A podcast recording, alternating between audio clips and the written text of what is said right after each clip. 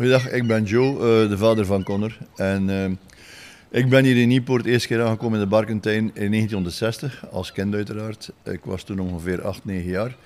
En ik vond dat zo fantastisch hier, want thuis was ik in, in mijn Kortrijkse omgeving alleen mijn moeder. En moeder deed dan politiek en ging de dag gaan werken. Dus dan zat de hele dag in de vakantie alleen. Dat was ook niet zo plezant. En hier vond ik dat fantastisch. Ik zat hier 14 dagen met uh, vrienden en vriendinnen allemaal samen een hele dag. Uh, voelde je zeker niet alleen. Het was een enorm sociaal leven. En ik vond uh, ook, ook veel respect voor de monitoren die ons begeleiden. En dan ben ik ook monitor proberen te zijn. Dat is dan gelukt een jaar of vijf. En dan hoofdmonitor. En ben ik hier mogen beginnen um, als econoom. En dan ben ik verder geëvolueerd naar directeur, zo tot in 2013. Dus ik ben hier in een periode geweest van 60 tot 13, wat ongeveer een 43 jaar is.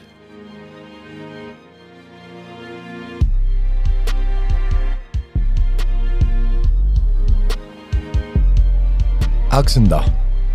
Een jaar geleden verscheen mijn boek T. Een boek over de youth zomerkampen in de Barkentijn te Nieuwpoort. Over sociaal engagement, vechtlust en gelijke kansen. De voorbije 75 jaar kwamen ongeveer 100.000 kinderen hier op kamp. De meeste voor hun plezier, sommigen op zoek naar een warme omgeving. We willen allemaal deel uitmaken van een groep, ons veilig voelen in een familie. En iedereen die lang genoeg naar de Barkentijn kwam, die werd familie. Ik zoek sommigen van hen op en ga met hen in gesprek. Hoe kwamen ze hier terecht en hoe heeft het hen gevormd? Wat kunnen we leren van hun verhaal? Vandaag stel ik u voor aan een deel van die familie. Met deze podcast willen we je amuseren, ontroeren en vooral inspireren. Ik ben Conor Rousseau en welkom bij Kinderen van de Barkentijn. 38 jaar lang ontfermde mijn vader zich over duizenden kinderen en monitoren tijdens de vakanties hier in Kindervreugde of nu de Barkentijn.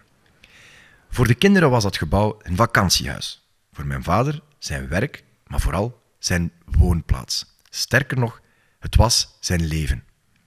Als klein manneke zag ik wat mijn vader deed voor de kinderen. Als het moest betaalde hij uit eigen zak een broek voor zij die te weinig kleren hadden. Die ervaringen hebben mij ook gemaakt tot wie ik ben vandaag. In mijn boek T vertelde ik een deel van zijn verhaal, maar hij zelf kan het veel beter vertellen dan ik. En daarom ga ik vandaag met hem in gesprek in de eetzaal van de Barkentijn. Met live publiek op een plaats die voor hem zoveel heeft betekend. We zijn allemaal kinderen van de Barkentijn, maar dit is de vader van de Barkentijn. Een gesprek met Joriso. Als je wilt uh, lachen of dingen wilt roepen naar hem, dat mag. Hè. Ik ga ook uitleggen dat... Allee, hij pleiten wat hij roept. en mijn gsm hier liggen. Als u er tegen stikt, sms't me. Ik het dan, uh, het dan zien. De bedoeling is dus gewoon, we gaan eigenlijk een beetje van zijn childhood tot nu even uh, trip down memory lane doen in een gebouw dat voor hem en ook voor jullie denk ik uh, wel wat betekend heeft. Dus merci om hier te zijn. Ja?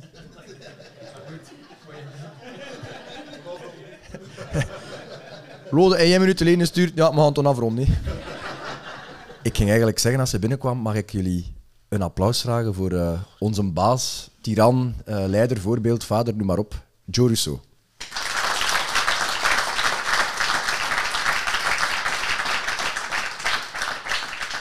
Zelf eigenlijk best wel awkward om hier zo mijn eigen vader te moeten zitten uh, interviewen, zeg maar. Ook omdat hij er heel veel goestingen had, zei in de auto.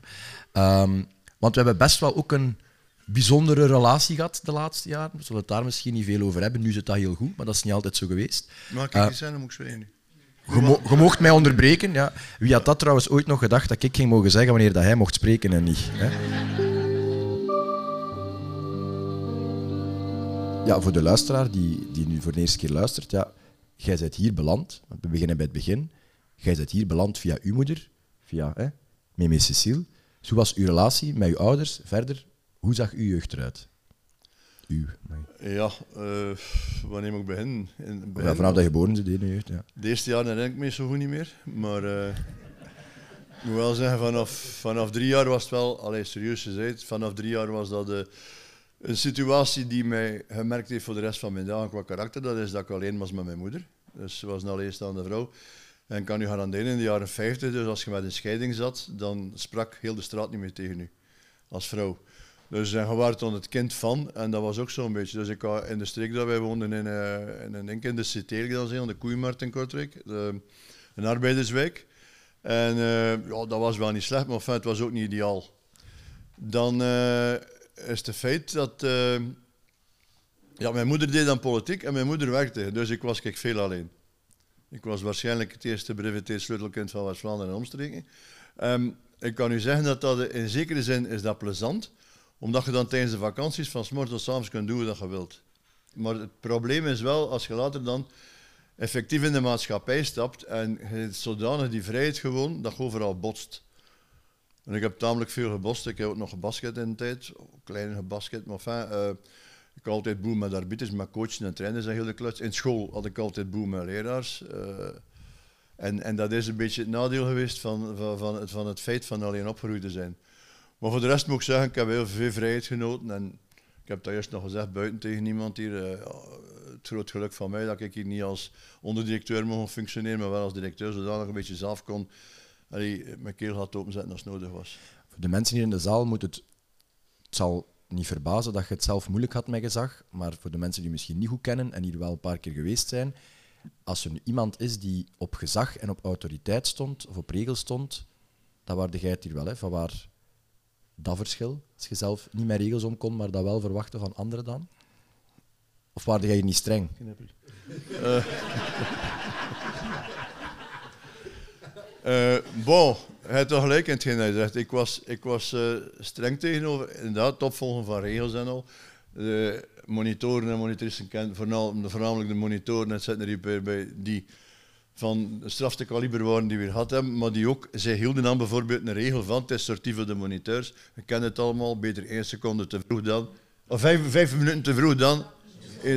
Voilà, ze kennen altijd de catechismus van Joe Rousseau van in de jaren 50, 60, 70, 80 enzovoort. Maar waarom was dat? Dat was omdat dat een bepaalde organisatie is. Een bepaalde organisatie waarin, waarin dat je moest... Als ik, hier, ja, als ik hier gewoon als monitor was, volgde ik ook die regels. En als je je voeten veegde aan de regels, dan, dan was dat niet voor één groep, maar was dat vooral de kinderen dat dat in het water viel. En dat was niet zo eenvoudig om dat achteraf weer recht te trekken. Je zegt gebeten door geschiedenis. Ik denk dat niemand beter dan u de geschiedenis van Niepoort en dit gebouw kent, maar toch nog heel kort voor de luisteraar een geschiedenisles.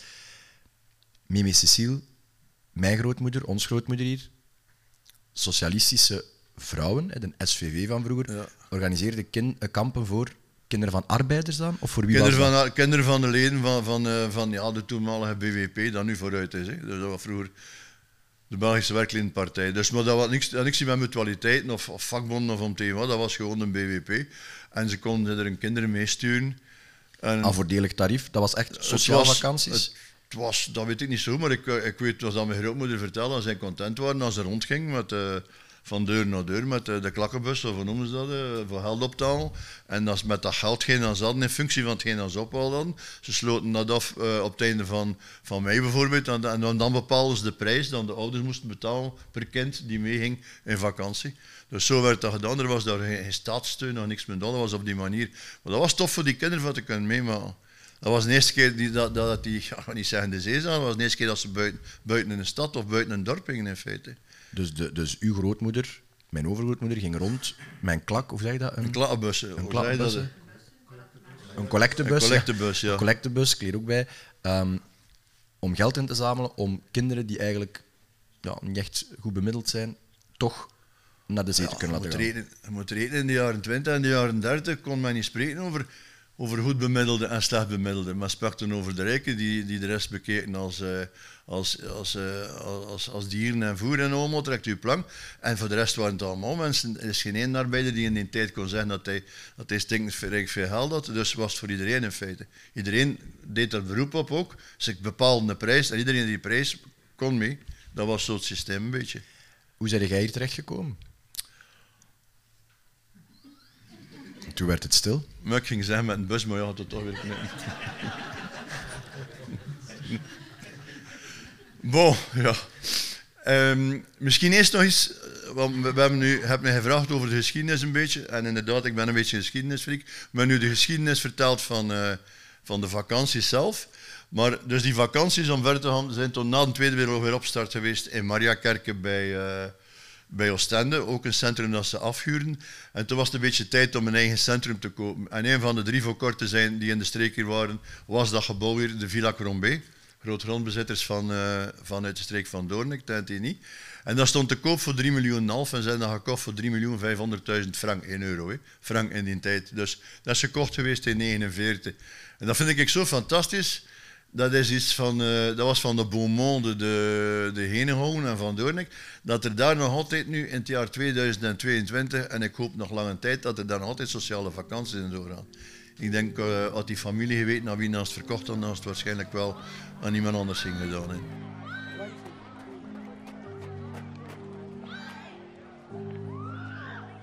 Eigenlijk dus wat ik wil zeggen is een statement van je welste in het rijke Nieuw-Porbin. Dat er hier een, denk het mooiste gebouw van de, van de kust, zou ik bijna durven zeggen, gaat naar sociale vakanties en sociaal toerisme. Sociale vakanties, sociaal toerisme. En dan, hoe zeg jij hier met een bus? Ah ja, dus, uh, ah, ja, dus uh, op zeker ogenblik zijn er, ik zat in derde of vierde leerjaar, in het jaar 60 was dat. Uh, de eerste keer dat ik meegekomen ben, dat er twee kinderen niet in mijn klas zaten. Zeiden, ah, we gaan 14 dagen naar Nieuwpoort, naar kindervreugde, dan om die vroeger kindervreugde.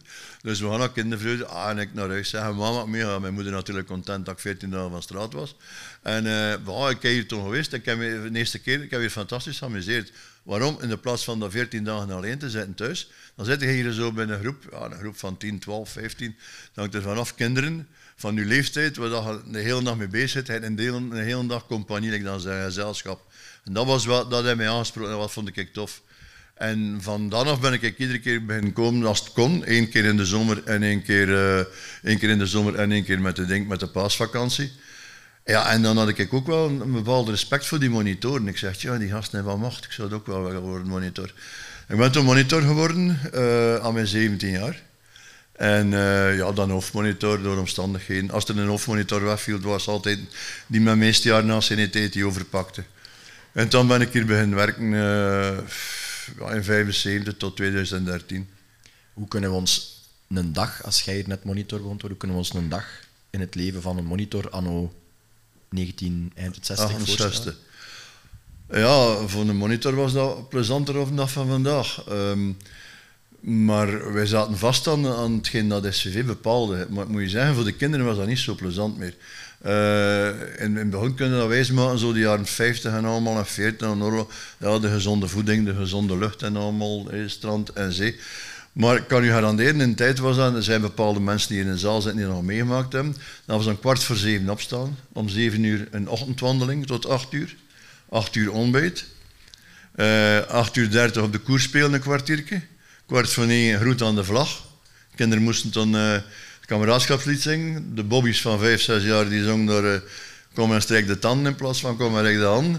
Die verstonden dat niet, dat werd allemaal gezongen. En dan, dat was het moment om negen uur iedereen weg met de groep. En wat mochten we doen? Een wandeling. Ongelooflijk. We moesten terug naar een kwart voor twaalf voor onze handjes te vasten. En ja, dan hadden we ons middag nog. En dan geen wandeling, maar een uur verplichte siesta. Kun je willen? Dan moest ik er als monitor dienst doen. Op de koer zaten er 300 kinderen. Waarom niet, Sonja? 300 kinderen zaten op de koer. En we met vier monitoren en moesten ze moesten blijven neerzetten. Hè. En als je naar het toilet, nee, blijven zitten. Dan stonden er zo met de, hè, de springkonen van uh, een paar uur. Dat gelicht moest worden en dat ging. Dus dat, dat was, en toen kwart voor twee mochten ze weer een kwartiertje vrij spelen. En dat de reden was omdat dan de broers en zussen die in andere leeftijdscategorieën zaten, dan ze elkaar konden zien. Om twee uur, hop, naar de duin, geleidspel. Twee uur geleidspel. Vier uur terugkeren, vier uurtje. Twee van die fantastische koeken en zo, kent dat? Die drie dagen op de notenbus van, uh, van vader Spanje gezeten, nog niet van Moskou kwam. En toen hadden ze een fles gemaakt, dat niet in de zon mocht of het was boter. En dan moesten dat binnen. Als dat uit was, dan mocht weer naar de duin. En dan kreeg je wel wat vrij spel. Dan waren een kwart voor zes terug voor je avondmaal om zes uur. Na het avondmaal, je kunt het raden, een avondwandeling. Ja. Dus uh, wij nog gelukkig met een paar mensen hebben daar... Uh, en er zitten hier een paar van die eerste generatie dat hoofdmonitor was, hebben we daar wel het een en ander aan veranderd. Misschien iets te veel, want we zijn in botsing gekomen met uh, de raad van bestuur van de SVV. Maar ik had gelukkig een paar van die, die jongere, jongere vrouwen die in de raad van bestuur zaten, onder andere van Arelbeke, die, die ervoor gezorgd hebben. En dat is, dat is een, ere, een ere voor iemand die in de zaal zit, voor Sonja. Dankzij Sonja is er hier een friteuse geworden. Goh. Wat? Juist of niet? Want zij was toen verantwoordelijke van Arwijk en ze zei, de mensen, de kinderen reclameren als ze nooit zijn frieten kregen. Dus dat gebouw werd gekocht in Qua, 50 qua, en tot gezondheids- en met... qua tot en- gezondheidsbeleid kan dat tellen. Hè? ja, inderdaad. Maar toen waren we nog zo geen groenkakkersfreaks of dat we nu zijn. Hè. Eh, nu is dat... Maar dat niet.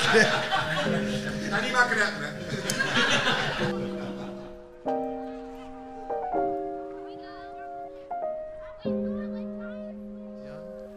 Eh, ik heb verschillende gouden jaren gehad. Eh, ik zie hier...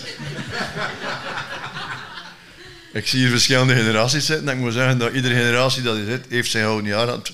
Allee, ik met hen. Maar zij ook met mij. Mijn, hou- mijn jaren gehad, ja. Het was in feite zo. Allee, ik moet zeggen... Een van, van de meeste... de belangrijkste zaken was... Kinderen... Ik heb altijd gezegd, een kind staat centraal in de vakantie. Maar om een kind te kunnen begeleiden, de monitors nodig. En we konden de monitors niet aantrekken met te zeggen, gaat hier veel geld verdienen. Dat was niet. Dus moesten we dat op een animatieve manier doen. En ik denk dat iedereen voor zijn eigen moet uitmaken. Eh, het zijn er hier die in de jaren 70 monitor waren, de jaren 80, de jaren 90, de jaren 2000 tot aan 2010 ongeveer. Ik moet zeggen dat ze allemaal kunnen zijn wat dat hun eigen gouden jaren waren. En dat ook allemaal een andere reden waarom dat, dat uw, uw, gouden jaren zijn. Eh, dat kan ik zomaar niet zeggen waarom. Het is, als het meevalt, valt het mee. Maar dus om, want ja, we hebben het net gehad over wat dat kinderen overdag deden, maar wat, hoe kon jij dan ervoor zorgen dat de monitoren zich hier amuseerden? Organiseerde je activiteiten voor hun. Laat maar goed af, vertel het ja, bon. Wij deden dus eh, avondactiviteiten. Dus bijvoorbeeld de kinderen... allee, in de tijd dat er geen avondactiviteiten waren voor de kinderen, hadden wij wel meer vrije tijd. Eh, dus om 8 uur 30 waren de monitoren vrij. En dan, ja, dan deden wij een keer eh, een, een manillekaarting, een voetbalmatchje, een wielerkoers. Eh, maar dat was gedaan tegen dat het donker was. En toen waren er die, die anciens en allemaal die zeiden: Allee, Joe, dat is nog een keer iets doen, nog een doen. En toen zijn we begonnen met ook gasten die hier wel, want dat moet ik ook zijn. Er zijn hier een aantal koppels uitgegroeid. Monitoren en monitoristen die elkaar hier leren kennen. En dat ik weet dat nu nog samen zijn. Het zijn er ook die niet meer samen zijn, maar ja, dat gebeurt overal. Maar eh, die nog samen zijn. Dus er waren er ook die zeiden, eh, ik zou graag een keer met de die eh, een keer gaan babbelen. Dus een van de zaken dat wij deden, en weet dat nog, een koppelfestival. Hè? Dat was plezant, dat was een koppelfestival. we. Dat was een van de kalme zaken. En dan hadden wij nog ook gastronomische activiteiten, zoals een dramaturga. Ehm, vertel, wat is een dramaturga voor de ja. Colin weer. Een dramaturg, dat was zo, dus in feite, op zeker ogenblik vonden wij dat het tijd was. Let op, hetgeen ik nu vertel is zeker niet voor de MeToo-beweging, want we zitten in een bak. Maar dat was zo, wij vonden, het opportun op zeker moment dat we zeiden, ja, het is tien uur, de monitristen zou beter gaan slapen en allemaal. Allee, achter een kwartier krijgen, achter een kwartier, achter een kwartier krijgen we ze naar boven en zaten we nog enkel met de monitors. En toen deden we dus een simpel spelletje, dat was... eh, een 10, 12 monitoren. En dat was ook op toer een pintring om te rapst. Salamanden. En- Ja, salama- ja, zo rap mogelijk. Hè. Eh, en mijn chronometreur, dat was eh, mijn beste vriend Eugène. Ehm, en die, die telde dus na zijn uurwerk 1, 2, 7, 8, ja, heel achteruit. Dus iedereen had die gedronken, dus van die 10 die had de langste tijd al achteruit. Hij zat ook aan 10 pint, nee, moest die 10 betalen. Dus een 2, 9 enzovoort. Dus tegen als ze aan de top kwam, was dat maar één of twee pintjes meer. Ja, dat was, dus je moest er in feite voor zorgen, als je geld overhield, dat je dan... eh, ja, Dat je tien keer het snelste punt had gedronken. Inderdaad. Maar ik deed daar niet veel aan mee, aan die activiteit. Ik controleerde dat beetje. Ehm, dan is dat geëvolueerd. Ja, wij hadden toen ook onze eigen eh, opstanden gemonitoristen, voornamelijk vanaf de jaren 90. Ah, zeker in de jaren 2000. Ehm, dat waren Dolominas, noemen ze dat toen. Ehm, die zei ja, en wij dan. En toen zijn we begonnen zo, eh, ja, met kapitein Paf. En dat was... Kapitein Paf, dat was dus zo'n soort aftaalrijmke. En nu en dan moest een keer, als je eh, lang bezig was, mocht een keer wat drinken. En dan... eh, was Wacht, wacht, wacht, wacht, wacht. Dat staat hier op mijn formulier, dat wil ik zeker mee. Kapitein Paf. Ja. Dat is de jij. Nee, nee, nee, nee, nee. nee. Nee, ik, Kunt je de luisteraar eens uitleggen wie thuis kapitein Paf wilt spelen, hoe je dat speelt? Oh, eh, bel me schrijven, ik zal het u uitleggen, maar zomaar direct uitleggen, hoe ging dat? Dat was dus iets dat ze moesten achterdoen, dus wij deden, ik deed een keer iets voor. eh, ik denk op de zon van kapitein Paf, en alles erop en eraan. En dan van de tweede keer, van de derde keer, en eh, het glas moest uit zijn. Maar we waren wel democratisch geworden in de jaren 2000. Ze waren niet meer verplicht om bier of, of champagne of, of schuim uit te drinken, of kava. Nee, ze mochten ook spuitwater drinken. Dus niemand moest dronken zijn van mij. Chips. Wat moet je eerlijk zeggen, ja, dat was de jaren 90. Dat was de, de slechtste generatie dat ik gekend. Eh, maar ehm, dus inderdaad, eh, met die kapitein Paf, dat was gewoon iets achter doen. En ja, je moest dus doordoen totdat je het zonder fouten deed, kon doen. En ik heb, ik heb nog, mon- ja, ik heb nog gehad die dat twintig keer gemist. En die, ja, die normaal deftig waren, maar die dat dan ongeveer eh, een fles of twee binnen hadden. En die een trap gevonden langs de muur. Maar dat is normaal, dat kon gebeuren. Er is een heel, uh, chic woordgebruik, een heel speciale synergie ontstaan tussen monitoren, dus de kindervakanties, en het gebouw, het vakantiecentrum toen Kindervreugde. Kunt je dat eens uitleggen voor een luisteraar die hier nog nooit geweest is, die het niet kent? Voor mij als kind en voor velen hier waarschijnlijk, was het gebouw en de kindervakanties was dat hetzelfde. Heel veel mensen die kind kwamen, kwamen monitor, begonnen hier te werken. Maar, Maar dat- vandaag de dag is dat totaal niet hetzelfde. Dat- wat, nee. wat was... Maar dat was, dat was zo, like, dat ik ook, ik ben ook nog een van die van in mijn generatie was dat al zo. Je komt als kind in vele gevallen en dan, dan amuseer je, kom je tot je, je laatste mogelijk, mogelijke kansen dat je kunt qua leeftijd. Eh, ik heb dat bijvoorbeeld, en toen komt als monitor, bijvoorbeeld een recordhouder daarin, hè, Tiziana, dat je waarschijnlijk ook wel kent. Die is hier be- beginnen komen op vraag van haar moeder aan vier jaar. Aan vier jaar is ze hier keer geweest, met, met kinderen met poussette en al. Want ze kon dan maar moeite pap zeggen, dus eh, wel drinken moet niet zeggen. En die is hier de periode geweest en zoveel als ze kon. Paasvakantie, ondertussen hebben we de kerstvakantie gereed. Eh, paasvakantie, kerstvakantie, zomervakantie twee keer. En dan is hij ook als monitor geweest, ik weet niet hoe lang, tot dan naar 20, 22 jaar waarschijnlijk. Dus dat is, ja, hoe komt dat dan? Ze Omdat ze er graag waren. En dat gebouw nemen ze erbij, omdat dat gebouw is het alibi. Dat was in feite de cocoon waar dat al de activiteiten dat ze zo graag deden, ze dat hier kunnen samen doen. was ook niet in een tijd met nog niet zoveel sociale media en zo, daar hebben we het straks over, weg van de realiteit. Ja, het was, ook, het was ook voor die gasten inderdaad iets anders. Hè. Ja, ik moet zeggen, als wij begonnen zijn in het jaar 78 met, met playback shows en al, dan gaven ze dat s'avonds op televisie nog niet. Eh, maar maar dat, waren, dat waren zaken die, die 20 jaar meegingen achteraf. En nu de kinderen deden dat graag. Eh, ik herinner mij nog de periode met Simon Levy van Sandra Kim in 86. Ja, er waren niet 17 Sandra Kims aan het optreden in, eh, in de show. Ze wilden dan allemaal optreden. Ze waren voorbereid thuis. Ze waren daarmee bezig. Dat vond ik fantastisch.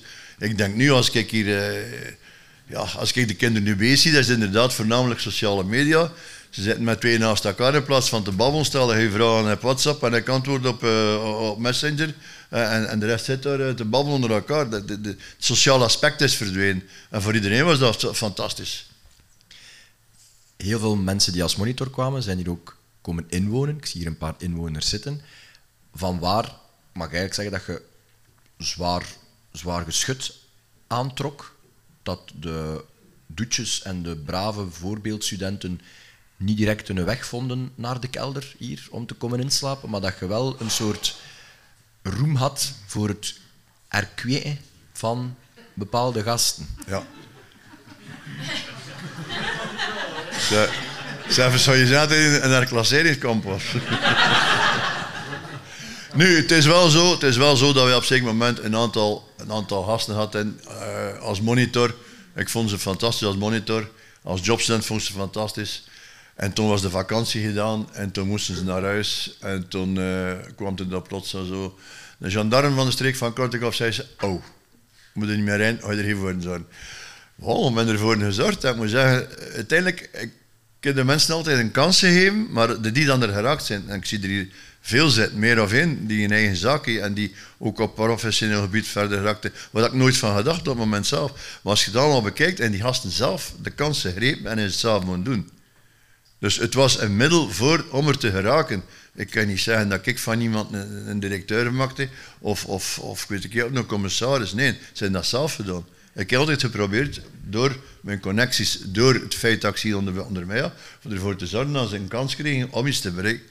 En dat vind ik belangrijk. En er zijn, dat is niet geslaagd bij iedereen, hè. maar bij het grootste gedeelte toch wel. En dat ik daar streng op was, dat moet dat weten. Dat gasten, ze mogen nog gerust zijn, ik was daar streng op. Als de man naartoe kwam en met de auto was er ook meer naar hash of naar benzine, en wel, toen was dat bingo. Maar ze deden dat geen twee keer, ze kwam tot dinsdag toe.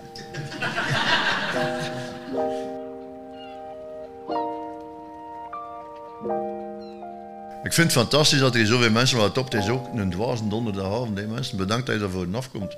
Chapeau voor jullie. Mag ook gezegd worden. Ook voor hetgeen dat allemaal gedaan hebt in uw tijd als monitor of als monitrice of als personeel. Want we moeten niet vergeten, personeel maakt er ook deel uit. En wij betrokken dat personeel bij. Je moet dat vragen, die mensen die hier zitten in de zaal. Ik, ze ziet ze lachen er van achter. En dat erachter was NAVA soms ook niet 100%, hè? maar ik heb nooit gereclameerd. Waarom? Ze hadden er geamuseerd. Ze hadden er geamuseerd ervoor. Dat was, dat was goed. Dat. Voor de luisteraar, de mensen lachen in de zaal omdat hij zei: Ik heb nooit gereclameerd. Klopt, hè? Maar ik zie, ik zie iemand zitten die mij ooit vertelde over een eieroorlog. Wat was de eieroorlog? Ah, ik was in congé waarschijnlijk die dag. Dat denk ik Goh, niet. wat Wat is was een eieroorlog? Een eieroorlog, dat, is, dat was enkel met personeel. 360. Eh die is... Ah, wel? Ja. Ah, ja, dat is juist 300. Ja, ja dus eh Jeanette begint met een ei te breken. Jeanette was de kokin. Jeanette was de kokin. Eh jaren kokin. Jaren kokin. Ik denk dat Jeanette hier begonnen is voor mij zelfs. In 74. 76, ja. Daar kunnen we het straks over hebben, maar dus Jeanette begon mijn ei te breken. Mijn ei te breken. En eh, ik heb nu zijn in de keuken en we gebruiken ook een ei. En plots is er een ei verkeerd gevallen. op een van die gasten in hoofd. En wij stonden op zeker ogenblik met, eh, ja, met al dat personeel. Al de collega's stonden wij. Maar ik zei, dan moet ik net met mot. Eh, ja, maar ja, anders, anders zeg ik, ga je achter mij, kom. De- 300, 300 eiers naar elkaar gesmeten. 300, 300 eiers naar elkaar gesmeten. Maar het probleem was dat die namiddag, waren, dat was toen maar gepensioneerd in september. Hè. En eh, het waren toen pannenkoeken eh, voor de gepensioneerden. En die, moesten nog, eh, die 100 gepensioneerden moesten nog die pannenkoeken krijgen. Maar die zijn er nooit geraakt, die pannenkoeken. En ik heb toen, dat er niemand geen kleers meer aan, want dat was allemaal ei. En ik ben toen, dat weet nog goed, naar boven gekomen in dit zaal. En bloot boven en zei, mensen, sorry, met een pan in de kelder. We kunnen geen pannenkoeken klaarmaken. Ik krijg er morgen twee. Oh ja, toen is het goed. Ja, bon, allee. Dat was, dat was de, de, de eieroorlog. Vrij gerenommeerd, maar ook maar één keer gebeurd. Dat jaar. In een dag zeker. Dit was deel 1 van onze laatste podcast met mijn vader en natuurlijk ook de vader van de Barkentijn, Joe. Hopelijk hebben jullie ervan genoten. Volgende week lanceer ik deel 2, want we zijn nog lang niet uitgepraat. Ik ben nu al super benieuwd wat jullie van deze aflevering vonden. Laat mij zeker iets weten via mijn website www.conner.be en abonneer je op mijn podcast via Spotify. Dit was Kinderen van de Barkentijn voor de voorlaatste maal. Merci en tot volgende week.